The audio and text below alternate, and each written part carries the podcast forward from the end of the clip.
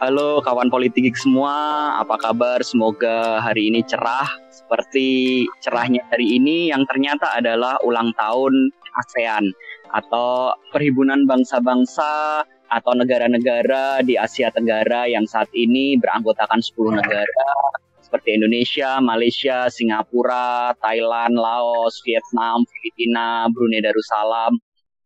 Ya, ASEAN pada hari ini berulang tahun ke-53 sudah cukup tua usianya. Ya, dan... Ya, kalau di Indonesia udah mau pensiun itu set ya. Betul tuh Dit. Nah, hari ini kita mau ngobrol-ngobrol nih berdua aja nih ya. Kali ini tentang gimana sih ASEAN itu, terutama ke depannya ASEAN ini mau dibawa ke mana. Dit, mungkin bisa ceritain sejarah ASEAN nih, apa sih manusia atau organisasi bernama ASEAN ini nih? uh, ASEAN itu merupakan sebuah organisasi di kawasan Asia Tenggara yang isinya ada 10 negara anggota. ASEAN itu dicetuskan pertama kali di Bangkok pada 8 Agustus 1967 ya, 53 tahun yang lalu, di mana didirikan oleh lima negara pendiri yaitu Indonesia, Malaysia, Filipina, Singapura, dan Thailand sebagai tuan rumah gimana nih asal muasalnya ASEAN ini terbentuk gitu? Tadi kan udah dijelaskan nih secara singkat kalau ASEAN ini dibentuk oleh lima negara yang sampai sekarang akhirnya membernya ada 10 negara seperti itu. Iya, oke, okay, thank you Seth. Jadi uh, ASEAN itu didirikan saat itu tuh di latar belakangi oleh dua kondisi politik internasional yang cukup berpengaruh banyak ya membentuk bagaimana ASEAN itu sekarang. Jadi waktu itu pada tahun 67 kita tahu itu adalah masa-masa uh, perang dingin antara blok barat uh, dengan Amerikanya dan blok timur dengan Uni Soviet. Nah, saat itu ASEAN ini dibentuk sebagai salah satu benteng Asia Tenggara dari pengaruh komunis. Lalu kemudian selain itu uh, ada peristiwa juga yang kita tahu di tahun 60-an itu adalah peristiwa perseteruan konfrontasi antara Indonesia dan Malaysia, lalu kemudian Malaysia juga dengan Filipina, yang kedua konflik tersebut itu tuh uh, akhirnya uh, mempengaruhi bagaimana ASEAN itu sekarang, yaitu adanya prinsip uh, cooperation, persahabatan, dan non-interference. Ini yang tercantum di deklarasi Bangkok ya, pada 8 Agustus tahun 2007 uh, yang selanjutnya dikenal sebagai hari lahirnya ASEAN. ASEAN ini tuh makhluk organisasi internasional yang emang agak aneh gitu ya ketika negara-negara lain misalnya negara-negara di Eropa membuat Uni Eropa kemudian mereka ada satu hukum satu uh, apa namanya aturan oh. imigrasi, ya satu mata uang gitu. ASEAN ini dari dulu tuh selalu di ini ya, selalu dicibir gitu ya. Itu makhluk supranasional nggak jelas gitu. Tapi di sisi lain banyak juga yang memuji karena pada kenyataannya setelah ASEAN terbentuk, negara-negara ASEAN ini tidak pernah ada perang lagi, tidak pernah ada dispute lagi, seperti itu. Ya, itu yang menarik ya saya pikir di ASEAN. Jadi uh, secara organisasi mungkin uh, ASEAN ini belum terlalu banyak berpengaruh ya. Karena prinsip non interference itu tadi ya ini yang menarik dari ASEAN ya. Ada banyak negara sekarang ya dari yang awalnya lima berkembang sampai sekarang jadi 10 dilatar belakangi oleh tadi dua kondisi tadi. Lalu kemudian ini uh, berbeda dengan organisasi internasional seperti Uni Eropa yang kalau saya bilang bisa jadi role model organisasi regional ya karena di situ sudah sudah ada kesatuan apa namanya kesatuan sistem. Uh, nah di ASEAN ini berbeda kita masing-masing punya sistem sendiri yang dan untuk dijadikan satu dan berlaku untuk semua uh, negara itu sangat sulit di ASEAN karena adanya prinsip non interference tadi. Kalau dulu waktu kita zaman kita belajar ASEAN, ini itu kayak semacam kotak Pandora ya Set ya. Sekali prinsip ini di otak atik, mungkin bubar semua. iya kan? Karena ada prinsip ini yang bikin ASEAN tuh sekarang relatif stabil. Damai-damai aja gitu ya, ya stabil. Kalau menurut lu nih Dit, kalau kita ngelihat sekarang ya, oke okay lah dibandingin lagi kita sama Uni Eropa gitu misalnya, atau mungkin kalau nggak salah kan ada Uni Afrika juga gitu kan, betul, betul. belum lagi misalnya Amerika Serikat dengan Kanada gitu, kan selalu ada kalau udah membuat sebuah organisasi supranasional itu imigrasi bebas, kemudian perdagangan juga bebas gitu kan kemudian ada semacam pemerintahan bersama yang dibagi apakah itu mungkin mata uangnya atau mungkin customnya gitu. Sedangkan kalau ASEAN imigrasi aja nggak semuanya gitu bebas. Bahkan di beberapa negara untuk urusan kita jadi turis aja yang cuma seminggu dua minggu tetap butuh visa gitu. Belum lagi soal lapangan kerja ya udah pasti harus tetap ngajuin izin. Belum tentu juga mata uang diterima satu sama lain. Kalau nggak salah kan kita waktu itu pernah ya liburan kita ke Laos itu bahkan mata uang rupiah aja nggak dianggap gitu di sana gitu. Kamboja. Nah kalau oh ke Kamboja oke okay. itu nggak dianggap gitu kan mata uang ya. rupiah tuh kayak orang di sana aduh ini mata uang apa gitu. Betul, betul. Nah kalau menurut gue sih kalau gue kok memang lebih prefer bentuknya tuh kayak Uni Eropa gitu. Jadi jelas kalian ini tuh organisasi ASEAN ini mau ke mana, privilege apa yang dimiliki negara-negara anggota ketika gabung nih sama ASEAN. Meskipun memang catatannya semua negara ini harus pada taraf teknologi maupun terutama ekonomi ya, itu pada taraf yang sama seperti negara-negara Eropa. Nah, kalau menurut lo better mana nih, better model ASEAN, udah masing-masing ya kita bikin ASEAN buat hai aja nih, atau model Uni Eropa? Ya, ini menarik sih, uh, kalau kita bahas ASEAN ini mau dibawa ke mana. Karena sekarang ya tadi bilang untuk perpindahan orang aja, maksudnya kayak imigrasi gitu aja, kita dulu ya kondisi mungkin 10 tahun lalu ya kita waktu itu ke mana Kamboja, ke Vietnam, itu ada sedikit hambatan di masalah imigrasi dan penetapan tukar uang ya rupiah kita tuh nggak tahu gitu orang sana ini mata uang mana bahkan seperti itu kan. Nah ini Uh, menurut gue sih minimal banget. Pertama tuh perpindahan orang itu harus dipermudah ya.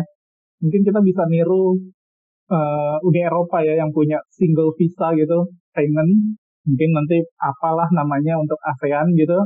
Jadi semua negara anggota ASEAN itu bisa pindah ke mana aja uh, di area ASEAN tanpa hambatan ya, terutama untuk yang turis menurut gue sih uh, kita daripada nunggu apa nunggu ASEAN itu bisa kayak Uni Eropa lebih baik kita coba dari menurut gue sih perpindahan orang itu dulu sih di permudah lah sekarang.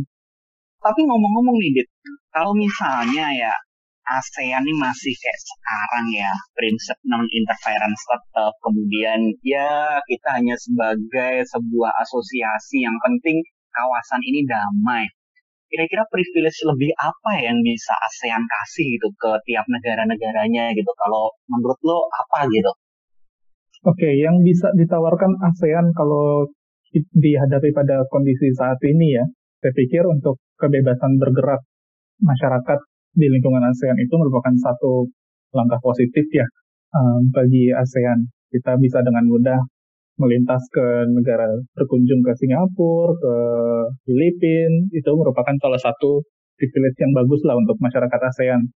Lalu kemudian langkah berikutnya, saya pikir yang perlu ditingkatkan banget itu adalah ekonomi. Kenapa di ekonomi ini? Karena kalau kita belajar dari pengalaman Uni Eropa, uh, mereka itu pun sebelumnya merupakan komunitas ekonomi. Baru kemudian mereka bisa uh, sekarang integrate ke berbagai macam bidang termasuk uh, politik ya mereka punya uh, parlemennya sendiri mereka bahkan punya bank sentralnya sendiri sekarang uh, saya pikir langkah awal untuk bisa kita menuju ke organisasi regional yang diperhitungkan itu adalah dari sisi ekonomi dulu ya. Oke, kalau dari sisi gue sih agak beda ya. Kalau dari hmm. sisi hmm. gue, mungkin kalau ekonomi ya sosok lah ya. Kenapa? Karena kita tuh butuhnya sam ekspor impornya ya itu kayaknya sama aja gitu. Indonesia ekspor misalnya nih, ma apa pertanian, Thailand juga ekspor hmm. pertanian. Jadi tidak ada ya. saling Bener, uh, komoditasnya sama. Jadi kalau kayak Eropa gitu kan, misalnya nih dari Prancis, dia ekspornya berbeda dengan misalnya negara-negara yang Eropa Timur gitu. Jadi bisa saling melengkapi. Kalau gue kok yang gue kepikiran sekarang nih ya, mungkin karena gue lagi ngambil studi lanjut juga ya, seenggaknya itu kampus itu kayak kita punya standar gitu loh. Mungkin kalau yang kita tahu ya, kalau kayak di Eropa gitu, misalnya kita ngambil kuliah di Inggris, kemudian atau di Prancis, di Belanda, ijazah kita atau bahkan SKS kita ini bisa dipakai nih. Misalnya di Inggris kita melanjutkan lagi di Prancis habis itu kita melanjutkan lagi di Belanda gitu. SKS-nya bisa kepakai gitu. Nah sedangkan kalau di Asia nih kayaknya nggak bisa gitu. Ya udah Indonesia lulus lulus saja. Nanti ketika harus ke Singapura atau ke Malaysia gitu harus tes lagi karena level pendidikannya dianggap berbeda gitu. Kalau menurut gue sih mungkin ya di pendidikan kita juga perlu gitu kayak menyamakan standar pendidikan ASEAN ini seperti apa gitu kebetulan kita punya Singapura dan Malaysia ya yang level pendidikannya juga jauh lebih maju dibanding lainnya gitu ya. ya itu betul, sih betul. kalau menurut gue sih benar-benar itu bisa banget tuh uh, standarisasi universitas ya pendidikan di antara anggota ASEAN. Kalau nggak salah kita juga punya ASEAN University Network itu ya, set ya. Kalau oh iya benar-benar. Di Indonesia itu kalau nggak salah UGM kampusnya ya? di mana ya? UGM ya kalau nggak salah ya benar-benar. Jadi ada beberapa kampus yang dia di assign dia standardized gitu ya, standardized dengan uh, kampus di semua ASEAN gitu ya. Benar-benar. Ini... Oh iya ini FYI juga nih buat teman-teman politik semua nih. Sekretariat ASEAN itu ada di Jakarta loh. Iya benar. Pusatnya ASEAN itu di Jakarta loh. Ibu gitu. kota ASEAN di Jakarta ya? Benar, iya. Sering sebut gimana sih ibu kota ASEAN tuh Jakarta gitu. Kalau mungkin ibu kota UN kan ada di New York ya, ibu kota WTO ada di Swiss gitu. Nah, ibu kota yeah. ASEAN tuh di Jakarta gitu. Ternyata ASEAN itu menganggap Indonesia sebagai salah satu aktor penting dalam hubungan antar negara di ASEAN ya, sehingga ditunjuklah Jakarta jadi ibu kota ASEAN. Benar sekali. Ya, semoga semakin ke sini ya, eh, peran itu juga masih tetap bisa dijaga ya, karena beberapa kali kita juga dengar selentingan gitu ya Ditya kalau negara-negara ya negara-negara tetangga kita yang kebetulan lebih kaya nih dari Indonesia tuh pengen sekretariat ASEAN tuh dipindah gitu yang lebih merepresentasikan ya kan kekuatan ya. ekonomi saat ini gitu kan itu selentingan-selentingannya gitu. Betul betul. Oke. Okay. Kemudian kalau ASEAN ini kan kalau nggak salah sama ya kayak UN ya jadi kepemimpinannya itu digilir gitu ya tiap member setahun setahun gitu ya. Nah yeah. kira-kira kalau pas Indonesia gitu ya jadi jadi presiden ASEAN gitu atau ketua ASEAN tahun itu kalau dari lu lu bakal nitip apa gitu deh misalnya Menlu kita gitu kan di, uh, lagi in charge untuk jadi ketuanya ASEAN gitu tahun ini gitu atau tahun depan gitu kira-kira lu mau nitip apa gitu ke beliaunya gitu nitip apa ya Sorry, set. Gua kalau gue sih, gue gue dulu ya. Gue gue jawab. Ya. Kalau gue sih gitu ya, yang lu bilang tadi nih, gimana caranya paspor kita itu ke semua ASEAN udahlah nggak usah ada itu visa-visaan segala termasuk pendidikan dan kerja ya jadi nggak cuma buat turisme aja ya gitu jadi kalau misalnya nih tiba-tiba ada kesempatan exchange misalnya atau studi di negara lain ya udah langsung aja berangkat gitu Iya kan, yang penting ada surat betul. acceptance dari kampus luar atau kerja tiba-tiba atau uh, misalnya kayak lu nih dit kerja di minyak gitu, tiba-tiba lu dapat tawaran dari negara tetangga gitu kan yang perusahaan minyaknya lebih gede dari kita kan bisa langsung pindah ya kan. Betul betul itu menarik banget dan lagi bargaining position kita untuk kalau misalnya punya satu paspor ASEAN gitu identitas ASEAN mungkin bisa meningkatkan uh, peringkat paspor kita ya. Nggak cuma hmm. free ke semua negara ASEAN, tapi bisa juga ke Eropa tanpa visa. Karena sekarang yang bisa free visa ke Eropa itu, ke negara-negara Uni Eropa, Malaysia, Singapura, iya kayak Brunei, Brunei ya, Timur. cuma tiga itu. Oh my god, Timur Timur. Ah, ini nih menarik nih Timur Timur. Timur Timur itu sebenarnya gimana sih? Dia itu di Asia Tenggara, tapi bukan member ASEAN kan ya? Iya, statusnya sih kalau sekarang masih sebagai negara pengamat ya. Jadi biasanya sebelum dia di, diakui sebagai anggota, mereka di merupakan sebagai apa namanya pengamat, macam apa ya, ya negara pengamat. Jadi biasanya dia tetap Iya. diundang dalam Ah, ASEAN, on probation tapi- kali ya. ya jadi nggak punya suara di tiap conference di ASEAN. Oke, kalau lo setuju nggak sih apa namanya misalnya Timur Timur diterima sebagai negara tetap gitu? Ya kita nyangkutnya Timur Timur kan dulu ex-nya Indonesia ya, kemudian seperti kita tahu logo ASEAN itu kan 10 apa batang padi gitu. Nah kalau ini Timur Timur masuk kan jadi 11 ya batang padinya gitu kan. Iya benar Gitu. benar. Tapi Iya. tapi kalau lo setuju gak gitu dia jadi member full member gitu di ASEAN? Kalau menurut gue in term of eh, wilayah ya, sewajarnya mereka itu masuk ke ASEAN. In term of lokasi geografisnya ya, harusnya itu masuk ke ASEAN. Cuma memang ada beberapa, menurut gue sih ada beberapa pertimbangan ya, terkait mungkin terkait alasan politis ataupun ekonomi yang membuat ada sedikit hambatannya dari tim. Tapi kalau menurut gue sendiri sih, gue fine fine aja toh nanti eh, di mana kalau di bola ya di AFF gitu Piala AFF Timur Timur itu udah diundang jadi jadi peserta. Oh jadi kalau di bola Timur Timur tuh udah masuk ya regionnya di Asia Tenggara ya? Betul Berarti ya? masuk udah masuk. Oke, gue pikir masih di Pasifik gitu gabung Australia dan negara-negara Pasifik lain gitu. Ya. Nah itulah menariknya sepak bola bahkan Timur Timur yang bukan anggota ASEAN aja bisa ikutan. Oke, kalau gue sih juga setuju sih Timur Timur itu masuk ASEAN gitu.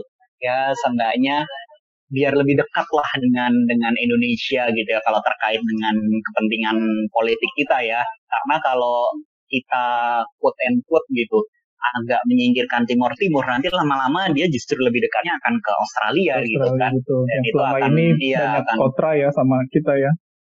Benar, eh, banyak kontra kan selama ini seperti misalnya soal apa namanya Isu ya. perbatasan, benar, isu pengungsi, kemudian isu minyak gitu kan, sepertinya dari Indonesia itu masih resisten gitu kan untuk membuka diri gitu, kerjasama dengan dengan Timor Leste gitu kan, meskipun kayaknya sekarang mulai baik ya karena Telkomsel juga sekarang provider paling besar gitu di Betul, di sana, betul kan? Iya. Jadi emang kalau ngebahas ASEAN ini menarik buat kita-kita yang di Indonesia ya, karena kayaknya negara luar negeri pertama yang dikunjungi itu kebanyakan negara ASEAN, ke Malaysia, ke Singapura. Jadi secara di, di level warga negara ini ASEAN ini sebenarnya cukup populer sebagai tujuan wisata ya, Seth ya. Bener sih, dan ASEAN ini juga karena lokasinya dekat juga karena kita serumpun ya, kita bilangnya kan ASEAN ini serumpun gitu, bener kan? Itu tuh seperti keluarga kita ya, pasti ada head and love relationship gitu kan. Kalau ditanya, oke negara mana yang tadi yang lo bilang gitu, Dit, yang pertama kali dikunjungi, oke Singapura, Malaysia gitu kan, mungkin Thailand, Filipina gitu. Tapi kalau ditanya juga negara mana yang paling disebelin, jawabannya juga Malaysia, Singapura pasti, ya kan? Betul, betul, betul. gitu. Dan ASEAN ini ada gitu kan untuk memastikan bahwa hubungan keluarga kita ini tetap baik gitu kan ya. Ya, itulah eh, makanya tadi sebenarnya tiga prinsip tadi ASEAN itu co- cooperation, selalu eh, apa namanya eh, persahabatan dan non interference itu tadi kayaknya jangan-jangan faktor tiga prinsip ini yang membuat kita itu eh, jadi satu gitu ya. Bisa jadi, bisa jadi. Tapi mungkin nggak sih, ini agak berat dikit ya bahasannya ya, bahasanya juga nih agak berat nih. ASEAN ini itu hanya sebagai status quo gitu. Antara hubungan itu tadi maju juga enggak, mundur juga enggak gitu. Gimana, Dit? Ya, memang eh, salah satu tadi tujuan awal berdirinya ASEAN itu kan sebenarnya lebih ke aspek politis dan ekonomi ya sebenarnya. Eh, Benar, namanya? benar. Dari bidang politis dan keamanan, sorry bukan ekonomi. Bidang politis dan eh, keamanan Keamanan ya. sebagai buffer eh, komunis ya waktu itu ASEAN kita tahu Di tapi ke sini uh, setelah perang dingin itu berakhir, uh, lumayan ada yang kita ingat banget tuh mungkin ini ya, ada perjanjian uh, bersama gitu negara-negara ASEAN kalau di Asia Tenggara ini merupakan zona bebas senjata nuklir. Jadi Oh iya, benar-benar. Ya, jadi menurutku sih uh, memang selama dari awal berdiri sampai sekarang itu uh, ASEAN itu memang tidak bisa dipisahkan dari yang namanya politik dan keamanan. Jadi dua ini nih yang jadi fokus utama. Uh, Nature-nya ya, Dit ya. Nature jadi, ASEAN ya. Betul. Yang kalau udah bicara politik dan keamanan itu masing-masing negara tuh pasti punya stand yang kuat untuk menjaga kedaulatannya. Jadi agak susah tuh kalau kita misalnya mau bikin kayak parlemen bersama, mau bikin bank sentral bersama, karena itu tadi kita tuh nggak boleh mencampuri urusan dalam negerinya masing-masing negara anggota. Bener juga.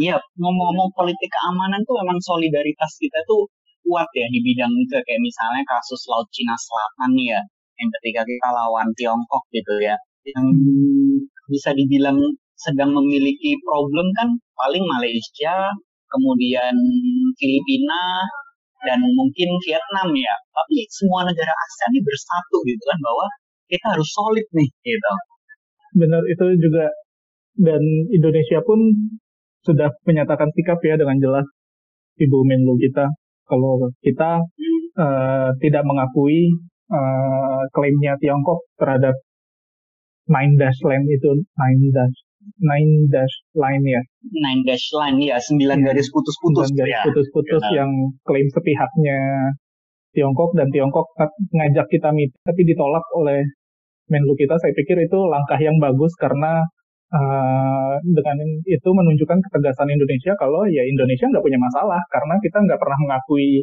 uh, apa namanya mengakui nine dash line itu. Oke, Dit. Ini kalau tadi kan kita ngomongin high level ya, Dit ya tentang ASEAN gitu ya, tentang bagaimana ASEAN terbentuk gitu, kemudian impact-nya dia di bidang ekonomi, kemudian di bidang politik dan keamanan gitu kan kalau di bidang sosial kemasyarakatan ya selain tadi yang terkait dengan edukasi, terkait dengan turisme gitu. Kalau yang kita lihat kan orang gitu, misalnya kita di jalan ditanya gitu, Mas Mbak tahu ASEAN nggak gitu? Mas Mbak pernah jalan-jalan keliling ASEAN nggak gitu?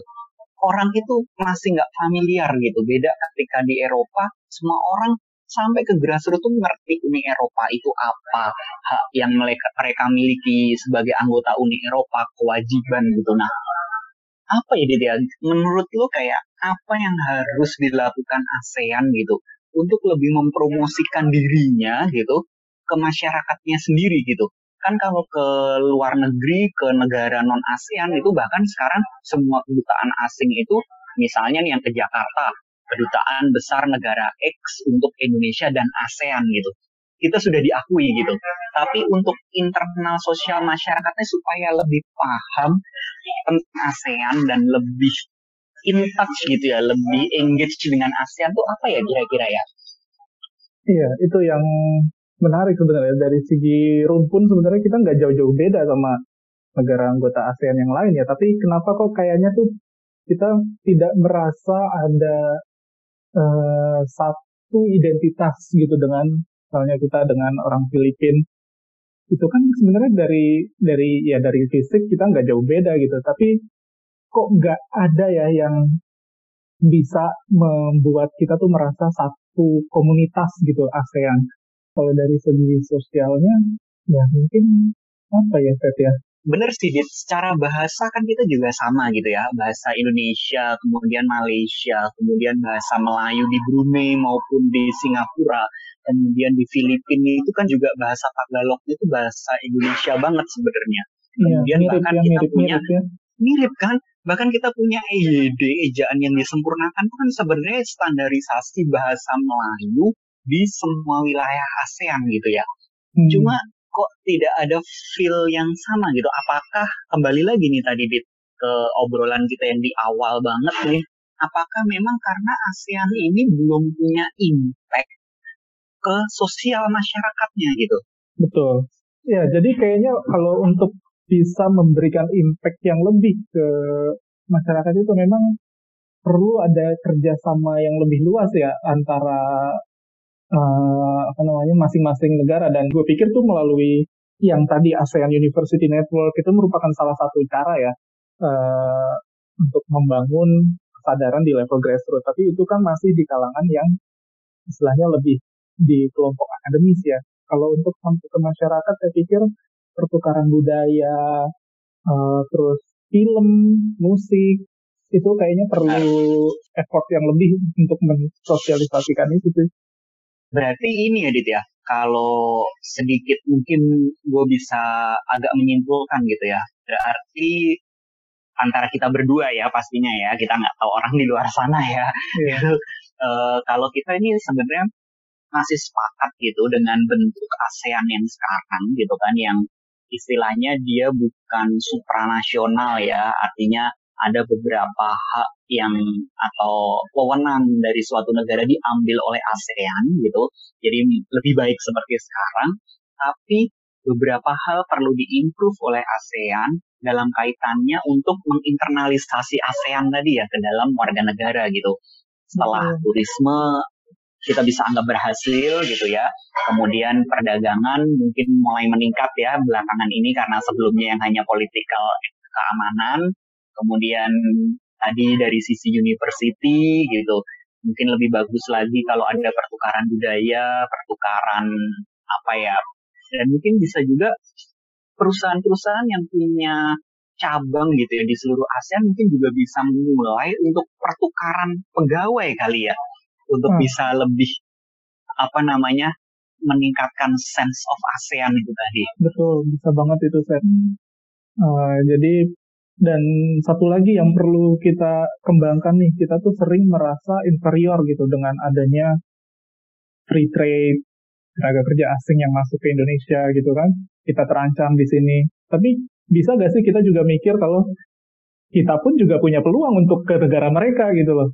Jadi uh, perlu juga nih kita me meningkatkan pemah level pemahaman kita kalau misalnya yang namanya ASEAN ini bisa loh kita gunakan untuk pentingan kita seluas-luasnya gitu loh. Betul betul bisa bisa. Oke kawan politik uh, kita udah berada di akhir nih diskusi kita dari pembahasan tadi kita kita udah bahas ASEAN uh, dari segi sejarah pembentukannya lalu uh, tantangannya ke depan. Di sini kita bisa menyimpulkan kalau ASEAN itu bukan cuma jadi tempat tujuan wisata belaka gitu ya, tapi kita pun bisa uh, mengambil uh, manfaat yang banyak dari adanya ASEAN. Bisa dari dengan kebebasan kita bergerak itu tadi kita mungkin bisa mengakses pendidikan di negara ASEAN yang lebih maju. Lalu kemudian kita pun bisa melakukan bisnis di negara-negara anggota ASEAN yang saya pikir uh, ke depan itu kita mulai harus bisa memanfaatkan peluang-peluang itu yang ada karena ASEAN ini saya pikir sudah dengan usianya yang sekarang sudah 53 tahun sudah berbuat cukup banyak untuk mengintegrasikan negara-negara anggotanya. Jadi jangan sampai kita uh, melewatkan peluang yang ada di depan mata ini. Oke, okay, Dit. So, last but not least, Happy Birthday ASEAN ke-53. Selamat semakin mature, semakin bisa berkontribusi, tidak hanya terhadap perdamaian dunia, tidak hanya terhadap politik dunia, tapi juga terhadap masyarakatnya sendiri yang seharusnya memang lebih fokus ke sana sebelum ASEAN ini bisa mengambil tempat di kancah politik dunia. Oke, kawan politik demikian uh, bahasan kita edisi spesial ulang tahun ASEAN. Semoga ya, bisa ngidul tentang ASEAN gitu. ini disclaimer ini pendapat pribadi. Benar, semuanya pendapat pribadi, semuanya ngalor ngidul karena kita tiba-tiba keingat gitu ya Ditya kalau hari ini tuh ulang tahun ASEAN. Betul, jadi eh, segala macam yang kita utarakan tadi bisa jadi berbeda dengan pendapat uh, masyarakat kebanyakan, tapi sama-sama kita pasti punya satu uh, kesamaan uh, harapan ya kalau kita tuh mau ASEAN ini lebih berperan uh, terutama bagi masyarakatnya sendiri. Oke, kawan politik demikian. Mudah-mudahan bermanfaat. Uh, sampai jumpa di episode berikutnya. Salam politik.